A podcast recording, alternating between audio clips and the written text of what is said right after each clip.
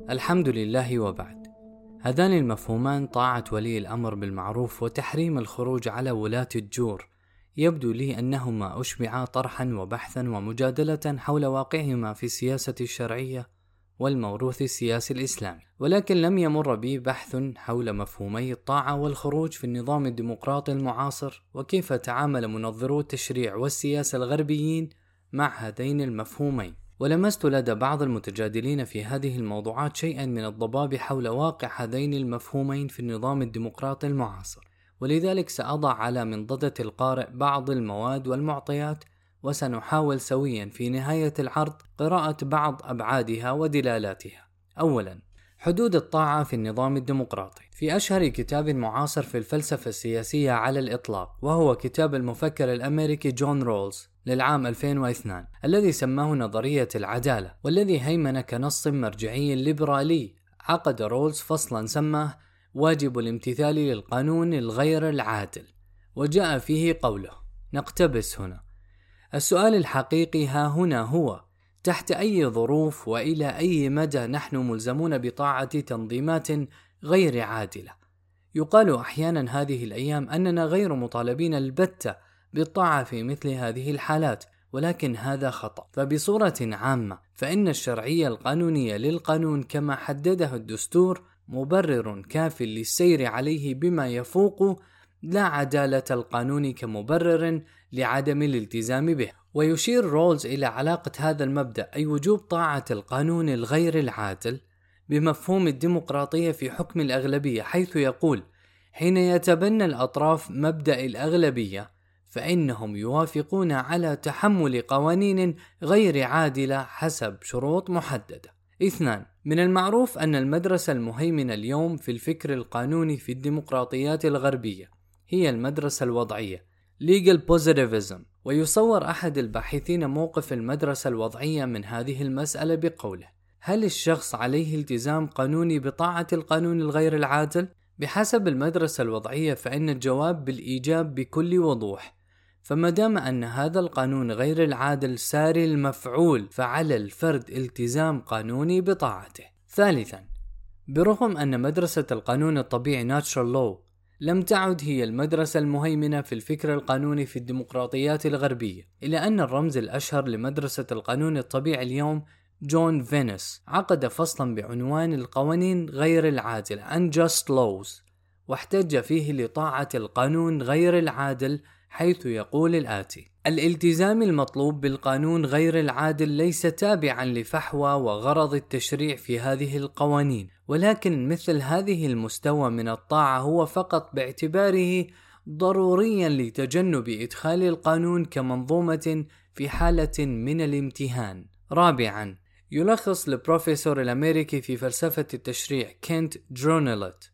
موقف عدد من المنظرين المعاصرين لمدرسة القانون الطبيعي فيقول ثلاثة من نظريات الواجب الطبيعي لطاعة القانون وهي نظرية توني هونر في واجب الالتزام باعتبار الضرورة واجب الالتزام باعتبار الضرورة ونظرية فيليب سوبر في واجب إظهار الاحترام للقانون واجب إظهار الاحترام للقانون ونظرية جون ماكي في الالتزام المستقل بطاعة القانون.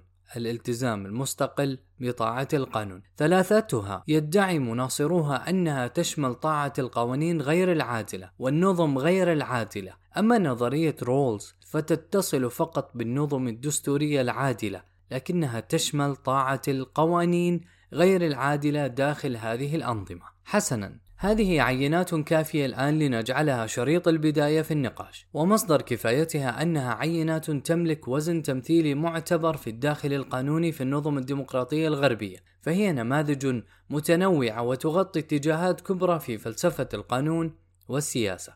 فالشعور الذي يمكن أن يسري في روح بعض القراء هو شيء من سيل هذه التساؤلات. هل يمكن أن يكون هذا صحيحا؟ هل يمكن في هذه النظم الديمقراطية وثقافة الحرية الليبرالية أن يكون المواطن مكرها على طاعة القانون غير العادل؟ فأين الحرية؟ وأين الديمقراطية؟ فنحن الآن بحاجة لتفسير مغزى هذه الأحكام التي يرددها كبار رجال القانون وفلسفة السياسة في الفكر الغربي، وكيف يقولون أنه يجب طاعة القانون غير العادل. لا يمكن توضيح هذه الأحكام دون عبور على السياق الظرفي الذي شكلها. فيمكن القول باختصار شديد. أن هناك تيارين كبيرين يقتسمان فلسفة التشريع في الفكر الغربي وهما مدرسة القانون الطبيعي Natural Law والمدرسة الوضعية Legal Positivism. مدرسة القانون الطبيعي ذات تقليد تاريخي عريق جدا منذ الفكر التشريعي الإغريقي وجوهر تصورها أن هناك نظام عدالة معطى مسبقا في بنية الطبيعة البشرية ووظيفة العقل الإنساني هي استكشاف هذا القانون المودع في الطبيعة البشرية والقواعد القانونية الصناعية تستمد مشروعيتها في مدى مطابقتها لهذا القانون الطبيعي المسبق. وبسبب هذا التصور أصبحت مدرسة القانون الطبيعي Natural Law تربط بشكل متطابق بين القانون والأخلاق. فإذا لم توافق القوانين الصناعية الأخلاق صارت مخالفة للقانون الطبيعي. ثم تراجع حضور مدرسة القانون الطبيعي وهيمن منذ القرن الماضي في الفكر الغربي المدرسة الوضعية. وهي مدرسة حديثة لا يتجاوز عمرها المئتي سنة ومن أهم رموزها المبكرين جون أوستن وأما رمزها المعاصر الكاسح فهو فيلسوف القانون البريطاني هربرت هارت. وأصحاب هذه المدرسة يفخمون أمره جدا. حتى اعتبر بعض المؤرخين للفكر القانوني أن كل المدرسة الوضعية ليست سوى شروحات وتعليقات على كتاب هارت مفهوم القانون. ويعتقد أصحاب هذه المدرسة أن القانون ليس مرتبطا بأي محتوى مسبق بل القانون مرتبط بمصدره فالقانون هو ما تصدره الجهة المخولة بإصداره بغض النظر عن علاقته بأية مسبقات مفهومية. ولذلك يقرر أصحاب المدرسة الوضعية بكل وضوح انفصال القانون عن مبحث الأخلاق. وهناك اليوم من يجادل منهم لدحض هذه الصورة التقليدية من هذا التيار. ومن المسائل الرئيسية التي تدرسها فلسفة القانون أو النظرية القانونية مبحث العلاقة بين القانون والأخلاق. وبشكل أخص العلاقة بين القانون والعدالة وهو مبحث قديم حديث. وذلك تحت السؤالين الأساسيين ما هو الأساس النظري لطاعة القانون؟ وإلى أي مدى تصل طاعة القانون بما يعني؟ هل يطاع القانون العادل فقط أم يجب أيضا طاعة القانون غير العادل؟ فأما أصحاب مدرسة القانون الطبيعي فلديهم شعار سلوغان قديم مشهور يتداولونه بينهم بكثافة منسوبا إلى اللاهوت الكاثوليكي المشهور توما الكويني وينص هذا الشعار على ميل القانون غير العادل ليس بقانون أصلا. ويقابل هذا الشعار شعار آخر لدى المدرسة الوضعية يذكره بعضهم وهو لا رابطة ضرورية بين القانون والأخلاق. اذا هنا نفرق أصحاب القانون الطبيعي يقولون القانون غير العادل ليس بقانون أصلا. وأصحاب المدرسة الوضعية لا رابطه ضروريه بين القانون والأخلاق. وليس من العسير على القارئ أن يلاحظ النزعة المعيارية لدى المدرسة الطبيعية حيث تركز على محتوى القانون والنزعة الوصفية لدى المدرسة الوضعية حيث تركز على صدور القانون من مصدر مخول وتغض الطرف عن مسألة أخلاقية أو عدالة محتوى. ولكون الوضعانيين لا يربطون القانون بمحتواه الأخلاقي بل بمصدره الشرعي فقد صار مألوفا لديه أنه يجب طاعة القانون غير العادل طالما أنه صادر من مؤسسة دستورية أو قضائية مخولة بإصدار القواعد القانونية أو المصادقة عليها. ولكن اللافت في الأمر أن الطبيعانيين أصحاب المدرسة الطبيعية تحول كثير منهم عن موقفهم التقليدي القديم وصار كثير من رموزهم يقرر أيضا طاعة القانون غير العادل كما نقلنا آنفا عن أحد أشهر منظريهم اليوم وهو جون فينس وغيره. فكيف تحول الطبيعانيون؟ وقد كانوا يرون أن القانون الصناعي يجب أن يطابق القانون الطبيعي وإلا كان ليس بقانون أصلا. الحقيقة أنهم لم يغيروا مبدأهم الأصلي هذا ولكنهم برروا موقفهم الجديد باعتبارات وحجج مختلفة عن حجج الوضعانيين ومن أشهر حججهم أنه حتى وإن كان القانون غير العادل ليس بقانون في حقيقته ولكن عدم طاعة القانون غير العادل سيكون ذريعة لتهديد النظام القانوني ككل فيطاع القانون غير العادل للضرورة أو لمصلحة بقية الأجزاء العادلة في النظام القانوني. والعجيب حقا أن الطبيعانيين كانوا سابقا يبطلون القانون غير العادل مطلقا ثم صاروا يفرقون بين الالتزام القانوني والالتزام الأخلاقي فيقولون القانون غير العادل يطاع كالتزام قانوني لا كالتزام أخلاقي. وكان هذا أشبه بالمخرج ثم صار بعضهم مؤخرا يقول إن طاعة القانون غير العادل لمصلحة حفظ بقية القوانين العادلة هو بوجه ما التزام أخلاقي أيضا. فرجعوا إلى موقف أشد من موقف الوضعيين وصارت المحصلة عند هؤلاء. أن طاعة القانون غير العادل هو التزام قانوني والتزام أخلاقي. لاحظ كيف يشرح أحد رؤوس الطبيعانيين اليوم جون فينيس تحليله لهذه الإشكالية في كتابه الأشهر القانون الطبيعي والحقوق الطبيعية حيث يقول الآتي: إنه من المحتمل حين يشاهدني مواطن آخر وأنا أعصي القانون أو أستخف به، فإن فعالية بقية القوانين والاحترام العام من قبل المواطنين لسلطة الدستور أو حاكم مرغوب عموما، فإنها من المحتمل أن تقود إلى توهينها مع عواقب سيئة محتملة بما يتعلق بالخير العام في المجتمع، ولكن أليست هذه الحقيقة الملازمة؟ تخلق التزاما أخلاقي يتساءل هنا. عدد من دارسي أطروحات فينيس رأوا أنه في الحقيقة تمسك ظاهريا بنظرية القانون الطبيعي لكنه مضمونيا. انتقل إلى جزء من النظرية الوضعية حتى أنه في العام 2003 ميلادي. كتبت الدكتورة تان هون بحثا بهذا الخصوص بعنوان الشرعية والالتزام في نظرية القانون الطبيعي. هل اقترب فينيس جدا من الوضعية Does Venice come too close to legal positivism؟ وخلصت الباحثة إلى خلط فينيس لطبيعانيته بشيء من الوضعية في إيجابه لطاعة القانون غير العادل. من المهم هنا التأكيد بصورة واضحة أنه برغم أن المدرسة الوضعية الصريحة في طاعة القانون غير العادل هي المسيطرة اليوم على التفكير القانوني في الديمقراطيات الغربية، إلا أن هذا لا يعني عدم وجود مفكرين ينتقدون هذا التيار الغالب، وهذا شأن الفكر الغربي بصورة عامة ففي كل مدرسة غالبة في أي حقل تجد لها نقادا. وفي الكتاب الصادر حديثا المخصص لفلسفة القانون والنظرية القانونية والمنشور بهذا العنوان. يشرح بروفيسور القانون الأمريكي براين بيكس في المبحث الخاص به هذه الحالة فيقول على الرغم من أن الوضعانية القانونية في بعض الدوائر الآن تظهر باعتبارها المنهج المهيمن في طبيعة القانون ولكن هذه الهيمنة لا تعني البتة بأن هذا المنهج بلا نقاد ولكن يا ترى ما هو النقد الذي يشير له براين بيكس والذي وجهه للمدرسة الوضعية في القانون؟ سرد بيكس عددا من هذه الانتقادات وكان منها قوله الآتي المدرسة الوضعية القانونية هوجمت باعتبارها تتسبب في جعل رجال القانون منصاعون جدا للحكومة بما يجعلهم في غاية الاستعداد لطاعة حتى القوانين غير العادلة. هكذا إذا يرى نقاد الوضعيين أن المدرسة الوضعية المهيمنة حين فصلت البحث الأخلاقي في محتوى القانون وشرعت وجوب طاعة القانون غير العادل طالما صدر من جهة مخولة فإنه كما يرى هؤلاء النقاد أن هذا يقود إلى حالة من الخنوع أمام الحكومة في النظام الديمقراطي. وملاحظة بيكس هذه مفيدة في حمايتنا من الوقوع في فخ التعميم فمع أن كثيرا من منظري القانون في الديمقراطيات الغربية يؤصلون لطاعة القانون غير العادل، لكن هذا لا يعني التعميم، فهناك نقاد لهذا الاتجاه.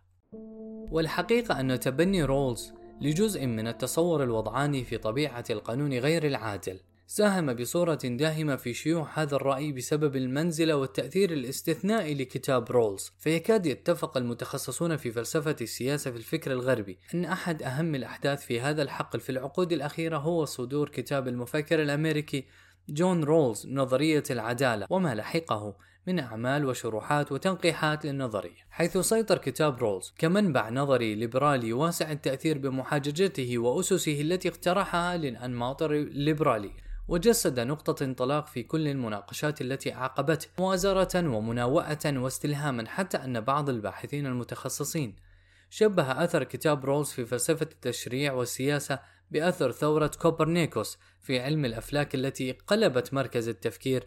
كما يقول أحدث رولز نوعا من الثورة الكوبرنيكية في تاريخ فلسفات العدالة. فريدمان وهارشر فلسفة القانون ترجمة محمد وطفة المؤسسة الجامعية. وللتدقيق في النظريات التي قدمها رولز في طاعة القانون غير العادل فإنه في الحقيقة يتبنى كامل الأطروحات الوضعية في حدودها القصوى بل إنه اشترط شرطين أن يكون القانون غير العادل صدر من مؤسسة ديمقراطية والثاني أن يكون ظلمه خفيفا لم يصل لمستويات الظلم الشنيع كما يقول رولز في كتابه آنف الذكر.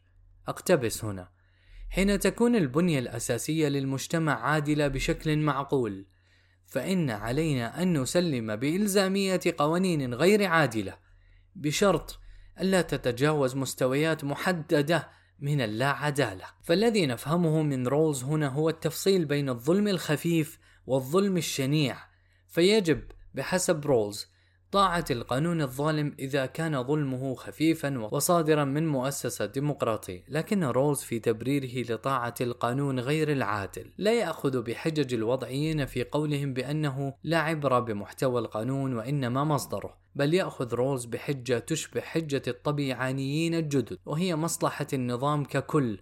كما يقول رولز اقتبس هنا. على الرغم من ذلك فإن واجبنا الطبيعي بتعزيز المؤسسات العادلة. يلزمنا بطاعة القوانين والسياسات غير العادلة. والذي نفهمه من هذا المبرر الذي يذكره رولز هو أنه يجب طاعة الظلم المحدود دعما للمؤسسات الديمقراطية. وهناك أيضا حجة أخرى يذكرها هؤلاء وهي حجة صعوبة التمييز وإدراك الخط الفاصل بين القانون العادل وغير العادل. وقد يتساءل القارئ ها هنا فيقول ولكن المؤسسات الديمقراطية والمسؤولين الديمقراطيين لا ينتجون قوانين وسياسات غير عادلة وهذا إشكال جيد. يقودنا لتأمل المسألة بشكل أعمق فحين نعيد استحضار أن الديمقراطية هي حكم الأغلبية فهذا يعني احتمال أن تنتج الأكثرية الديمقراطية وممثلوها قوانين غير عادلة بشأن الأقليات. وهذا ليس استنتاج شخصي بل هذا احتمال طرحه وعالجه رولز نفسه حيث يقول الآتي: واجب الطاعة يمثل معضلة بالنسبة للأقليات الدائمة التي عانت من المظالم سنوات عديدة. وقول رولز ها هنا أن هذه المسألة معضلة أو إشكالية problematic يوحي بأن رولز كأنما يشعر بالحرج من هذه المسألة لكن ليس لديه حل لها بل يصرح بكل وضوح أن هذا أمر لا يمكن الفكاك منه. كما يقول هنا حين يتبنى الأطراف مبدأ الأغلبية فإنهم يوافقون على تحمل قوانين غير عادلة حسب شروط محددة. وإذا كنا نعرف أن الرئيس والوزراء يعبرون عن الأكثرية وهم الذين يصدرون القواعد وهم الذين يصدرون القواعد القانونية والقرارات وال... وهم الذين يصدرون القواعد القانونية والقرارات السياسية. فهذا يعني بحسب رولز. أن يجب على الأقلية طاعة الأوامر الظالمة للرئيس والوزراء في النظام الديمقراطي طالما كان الظلم فيه ظلما خفيفا.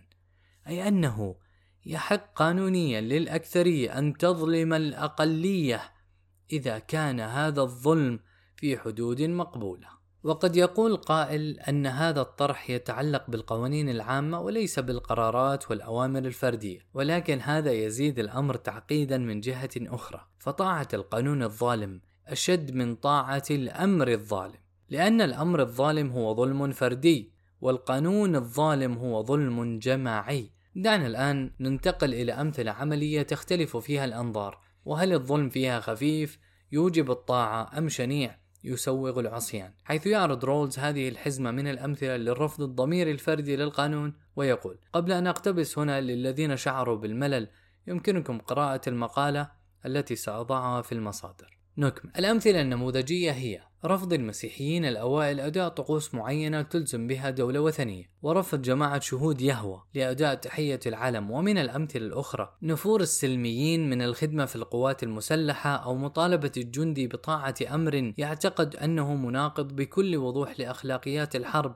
أو كما في حالة ثورو. رفض دفع الضريبة على أساس أنها ستجعله أداة للأذى البالغ على الآخرين. على أي حال لعلك لاحظت أن رجال القانون والسياسة في النظام الديمقراطي يقسمون القانون الصادر عن مؤسسة ديمقراطية إلى قانون عادل وقانون غير عادل. أما القانون العادل فلا إشكال في طاعته. والامتثال له كما يقول رولز هنا. إنه من الواضح جدا أنه ليس ثمة أي صعوبة في تفسير لماذا يتوجب علينا طاعة القوانين العادلة؟ ولكن الإشكال كان في طاعة القانون غير العادل كما يكمل رولز بقوله: السؤال الحقيقي ها هنا تحت أي ظروف وإلى أي مدى نحن ملزمون بطاعة تنظيمات غير عادلة؟ وسبق نقل موقف كثير من المنظرين الغربيين في النظم الديمقراطية ذوي الوزن المعتبر في فلسفة التشريع والسياسة وهم يقررون بكل وضوح وجوب طاعة القانون غير العادل بتفصيلات وقيود سبقت. ومن المهم ها هنا أن نتنبه إلى أن فرض طاعة القانون غير العادل لم تنشأ بمجرد تقرير هؤلاء المنظرين فهؤلاء مجرد مفسرين للواقع ولا يملك لا رولز ولا هارت ولا فينيس ولا أضرابهم أن يلزم المجتمع بأي مبدأ قانوني، أي أن هذه الآراء التي نقلناها عنهم هي في جوهرها مجرد عقلنة قانونية وتنظير سياسي للواقع القانوني السياسي في النظام الديمقراطي.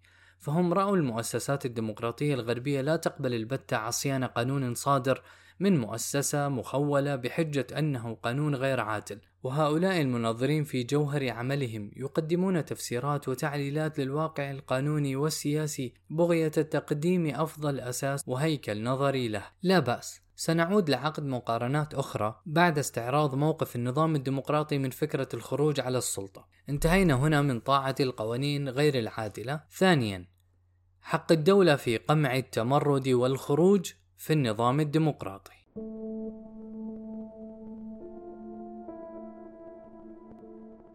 الخروج على السلطة كما يتداوله الناس اليوم هو رفع السلاح في مواجهتها إما للاحتجاج على وضع قائم يرونه غير مشروع أو للاستيلاء على السلطة أو نحو ذلك. وقد فوض الدستور الأمريكي الدولة باقتراض الديون لأجل قمع متمرد على السلطة. Suppressing insurrections وأنه لا يجوز الاعتراض على ديونها هذه كما ينص على ذلك الدستور الأمريكي في التعديل الرابع عشر. لا يجوز الطعن في صحة دين عام على الولايات المتحدة أجازه القانون.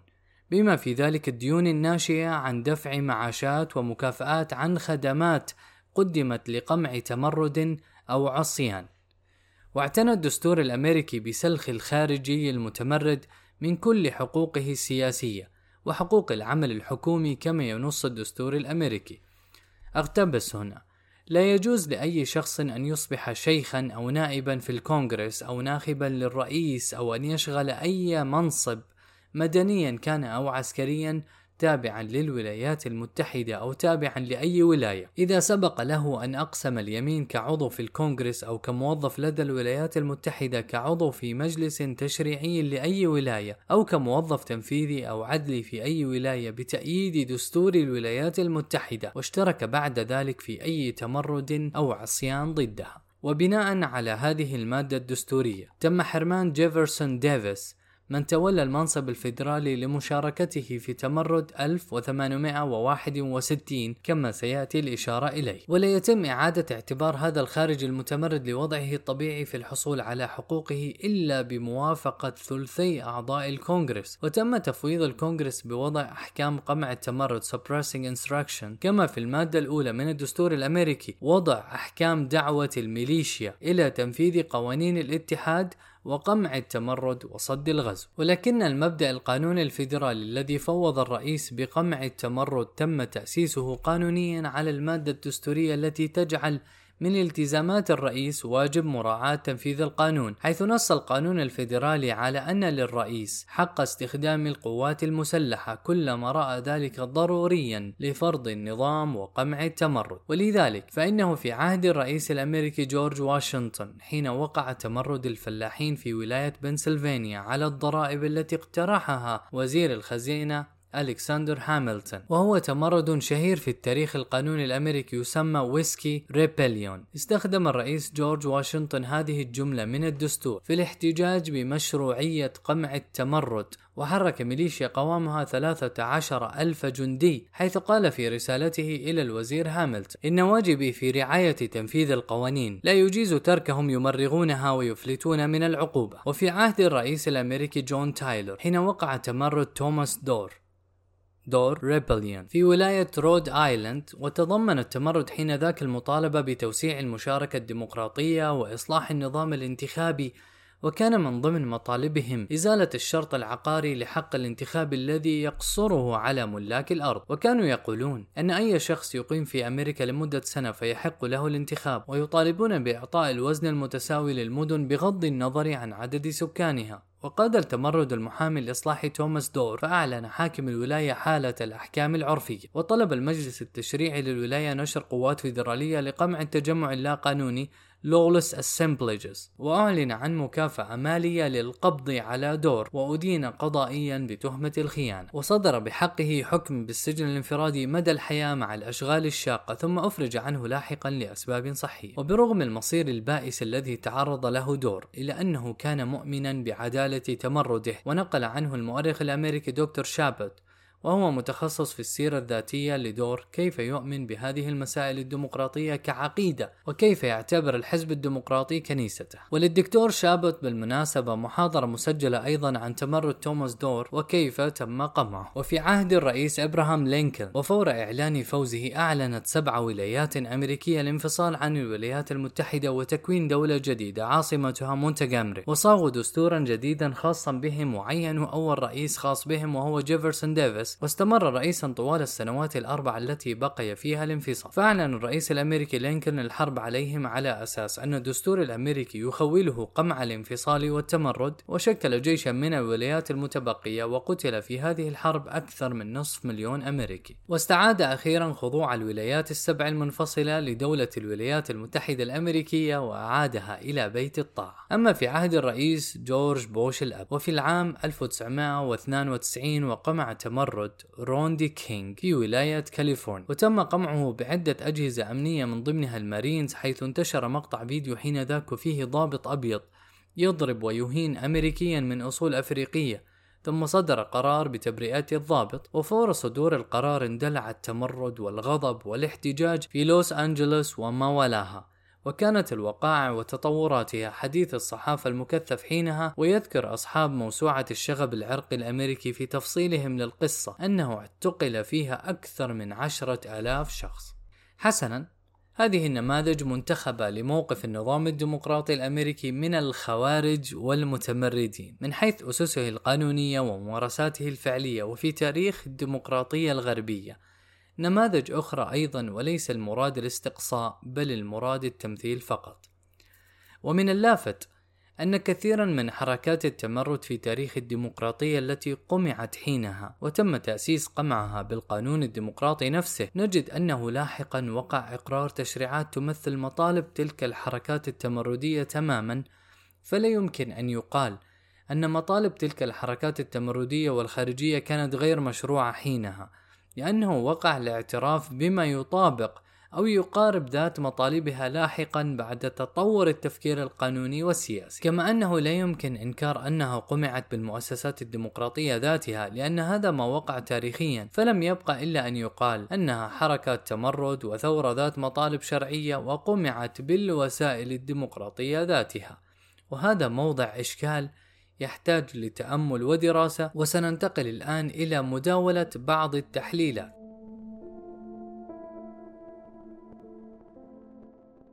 ثالثا مقارنات واستنتاجات. واحد المقارنة بين مبدأ طاعة القانون غير العادل ومبدأ الطاعة في المعروف. حين نتذكر تقسيم المنظرين الغربيين في النظام الديمقراطي القانوني إلى قانون عادل وغير عادل وإيجابهم طاعة النوعين.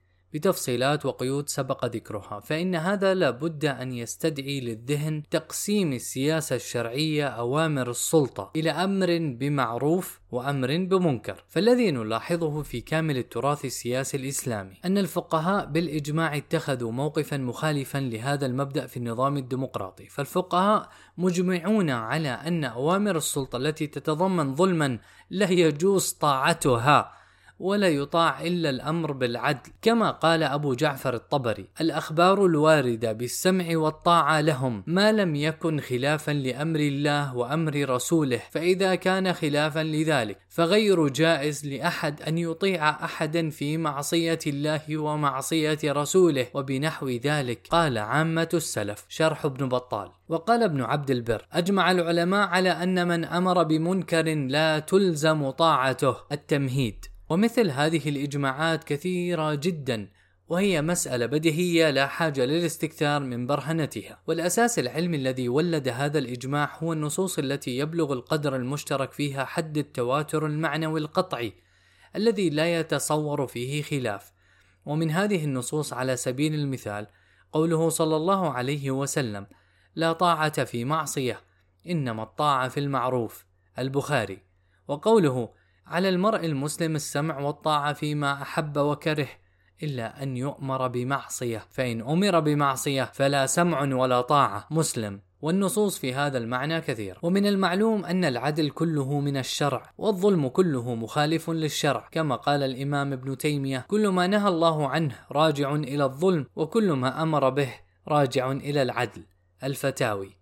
وهذه القاعدة التي أجمع عليها الفقهاء في التراث السياسي الإسلامي في عدم طاعة الظلم. تشمل النظام الشوري والنظام غير الشوري. والمراد أن الذي نستنتجه من هذه المقارنة أن النظام الديمقراطي أكثر محافظة سياسية في موضوع الطاعة حيث يميل إلى إيجاب طاعة العدل والظلم كليهما. طالما أن الأمر صادر من مؤسسة ديمقراطية بينما السياسة الشرعية والتراث السياسي الإسلامي تبدو أكثر تحررا واستقلالا في موضوع الطاعة فلا يجيز الفقهاء بإجماعهم إلا طاعة العدل وأما الظلم فلا يجوز طاعته بحال. ويتضح لي أيضا أن هذا المفهوم في التراث السياسي الإسلامي هو مبدأ الطاعة في المعروف يربي في نفس الفرد شموخا وحصانة ذاتية. ويشعر أن هناك مبدأ عدليا فوق الجميع. يجب أن تخضع له الدولة. وإلا فقدت أوامرها الشرعية بينما في النظام الديمقراطي الذي يوجب طاعة القانون العادل وغير العادل فإن الفرد يشعر أنه مكبل وراضخ وتربي فيه التبعية لقوانين قد يكون في غاية القناعة أنها مجانبة للعدل والفطرة. وهذا فيما يبدو هو المعنى الذي أشار له نقاد المدرسة الوضعية. اقتبس هنا. المدرسة الوضعية القانونية اوجمت باعتبارها تتسبب في جعل رجال القانون القانون منصاعون جدا للحكومة بما يجعلهم في غاية الاستعداد لطاعة حتى القوانين غير العادلة. ثانيا المقارنة بين الخروجين في الديمقراطية والسياسة الشرعية كنا لاحظنا في المحور الثاني لهذه الورقة كيف أسس النظام الديمقراطي الأمريكي لقمع المتمردين والخوارج في الدستور وفي القانون الفيدرالي وكيف تعامل الرؤساء الأمريكيون فعلا خلال التاريخ مع كل حركات التمرد والخروج عن سلطة الدولة، وحين تأملت الفرق بين الخروج في النظام الديمقراطي والخروج في السياسة الشرعية، تبين لي أن كلا النظامين يتفقان في وجود حالات يمنع فيها الخروج على الدولة، وحالات يسوغ فيها الخروج، فليس الاختلاف بين النظامين في أصل وجود المشروعية والمنع إنما الخلاف في الأسباب المسوغة للخروج. ففي النظام الديمقراطي لا يسوغ الخروج إلا بوجود ظلم مادي شنيع لا يمكن تغييره بالطرق الديمقراطية فتشرع حين ذاك الثورة. وأما وجود أبشع أنواع الكفر والفواحش فإن هذا لا يجيز البت الثورة على الديمقراطية بل لا يجيز معصية قوانين الدولة الديمقراطية حين ذاك. وأما في النصوص الشرعية فلا يجوز الخروج على الدولة إلا في حالة واحدة هي حالة الكفر البواح والكفر هو ارتكاب ناقض من نواقض الإسلام والبواح قيد أخص من مطلق الكفر. يشمل أمرين البواح في أصل الناقض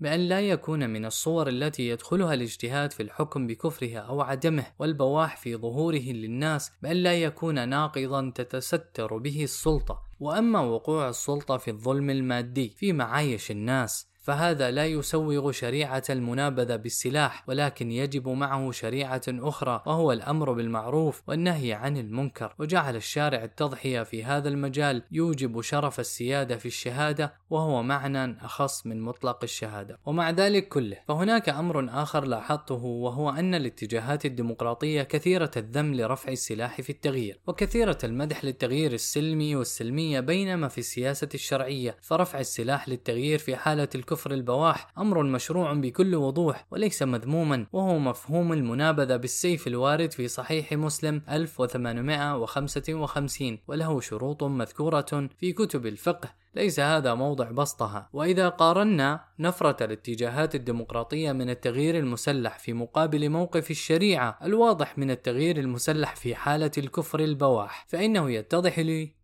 أن السياسة الشرعية أكثر ترحيبا بالمحتوى الثوري من النظام الديمقراطي ومن الشواهد التي يمكن أن نلمسها في الواقع ويمكن أن تكون قرينة تعزز هذه النتيجة أنك تلاحظ أن الاتجاهات الجهادية التي تستحضر نصوص المنابذة بالسيف عند الكفر البواح تزدري اتجاهات الديمقراطية في قولهم بالتغيير السلمي وترى أن هذه الاتجاهات الديمقراطية اتجاهات خنوع وتكريس لسلطة الطواغيت.